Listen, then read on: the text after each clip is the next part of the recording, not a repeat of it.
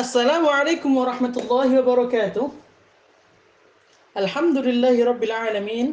Wassalatu wassalamu ala ashrafil anbiya'i wal mursalin Nabiyyina Muhammadin wa ala alihi wa sahbihi ajma'in amma ba'd Masya Allah, santri-santri TPG Ibn Abbas yang dirahmati Allah Subhanahu wa taala, kembali bertemu dengan Ustadz Muhammad Habibi dalam perjalanan tarbiyah Qur'aniyah. Sudah siap belajar semua?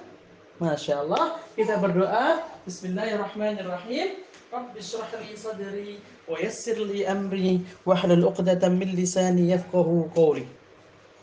Baik, adik-adik yang dirahmati Allah Subhanahu wa taala, hari ini kita masih membahas surah Al-Ghasyiyah. Kita lanjutkan Ya, siapkan Al-Qur'annya. Kita akan membaca ayat ke-22. Uh, ataupun ayat yang ke-23. Allah Subhanahu wa taala berfirman, "Illa man tawalla wa kafar." Kecuali jika ada orang yang berpaling dan kafir, fayu'adzibuhu al-'adzab al-akbar. Adik-adik yang dirahmati Allah Subhanahu wa taala, kita sebutkan pada pertemuan yang lalu Rasulullah Shallallahu alaihi wasallam hanyalah pemberi peringatan.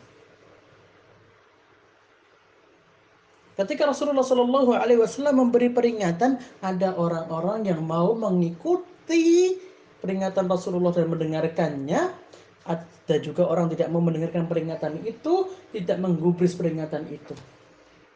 Ketika Rasulullah Shallallahu Alaihi Wasallam mengajak orang untuk beribadah kepada Allah, ada yang ikut, ada yang tidak. Maka kita kenal di dalam sejarah itu ada yang namanya sahabat. Orang yang beriman kepada Rasulullah dan meninggal dalam keadaan muslim. Contohnya siapa? Abu Bakar, Umar, Uthman, Ali, Abdurrahman bin Auf, Tolha bin Ubaidillah, eh, kemudian ada perempuan, ada Khadijah istrinya beliau, Aisyah, Fatimah, ada Mus'ab bin Umar, Mu'ad bin Jabal.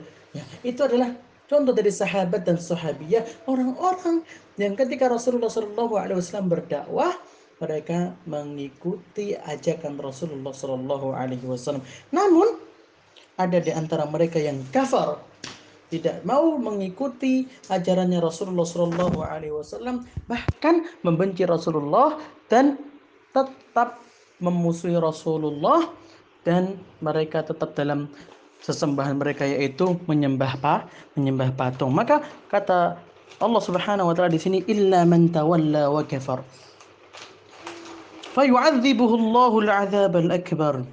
Suatu keimanan, keimanan yang harus kita yakini bahwa kita pasti akan kembali kepada Allah Subhanahu wa taala dan setelah eh, hari dunia ini akan ada hari yang kekal yaitu hari akhirat bagi orang-orang yang ingkar, orang-orang yang kufur, orang-orang yang tidak mau taat kepada Rasulullah, maka Allah Subhanahu wa taala akan mengazab mereka dengan azab yang yang pedih. Inna ilaina iyabahum. Sesungguhnya kepada Allah lah Allah lah kita akan kembali. Thumma inna alaina hisabahum. Dan Allah Subhanahu wa taala akan menghisap menghitung ya amalan-amalan yang kita perbuat selama di dunia di dunia. Dari yang Allah Subhanahu wa taala, dua ayat terakhir ini kita perhatikan. Inna ilaina iyabahum. Apa? Pasti semua orang yang hidup akan kembali kepada Allah Subhanahu wa taala. Ada yang kembalinya dalam keadaan baik, namanya husnul khatimah.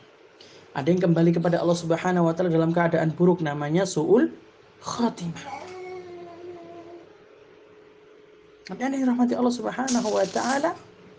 Kemudian nanti pada suatu waktu Ya, ketika sudah datang waktunya kita akan dibangkitkan oleh Allah Subhanahu wa taala dan masing-masing akan dihitung oleh Allah Subhanahu wa taala akan dihisap, dihitung amalannya ketika di dunia.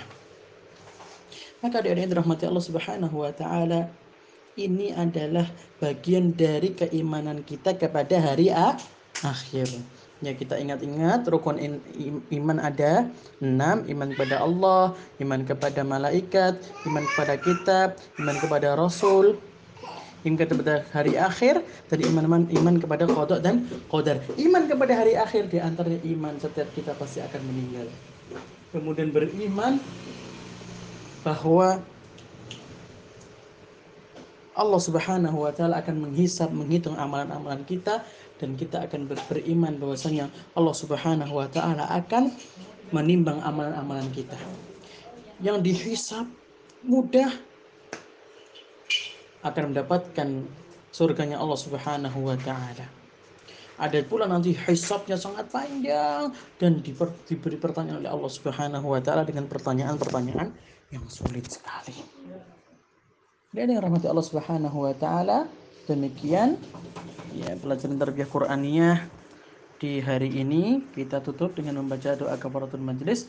Subhanakallahumma bihamdika asyhadu an la ilaha illa anta astaghfiruka wa atubu ilaik. Wassalamualaikum warahmatullahi wabarakatuh.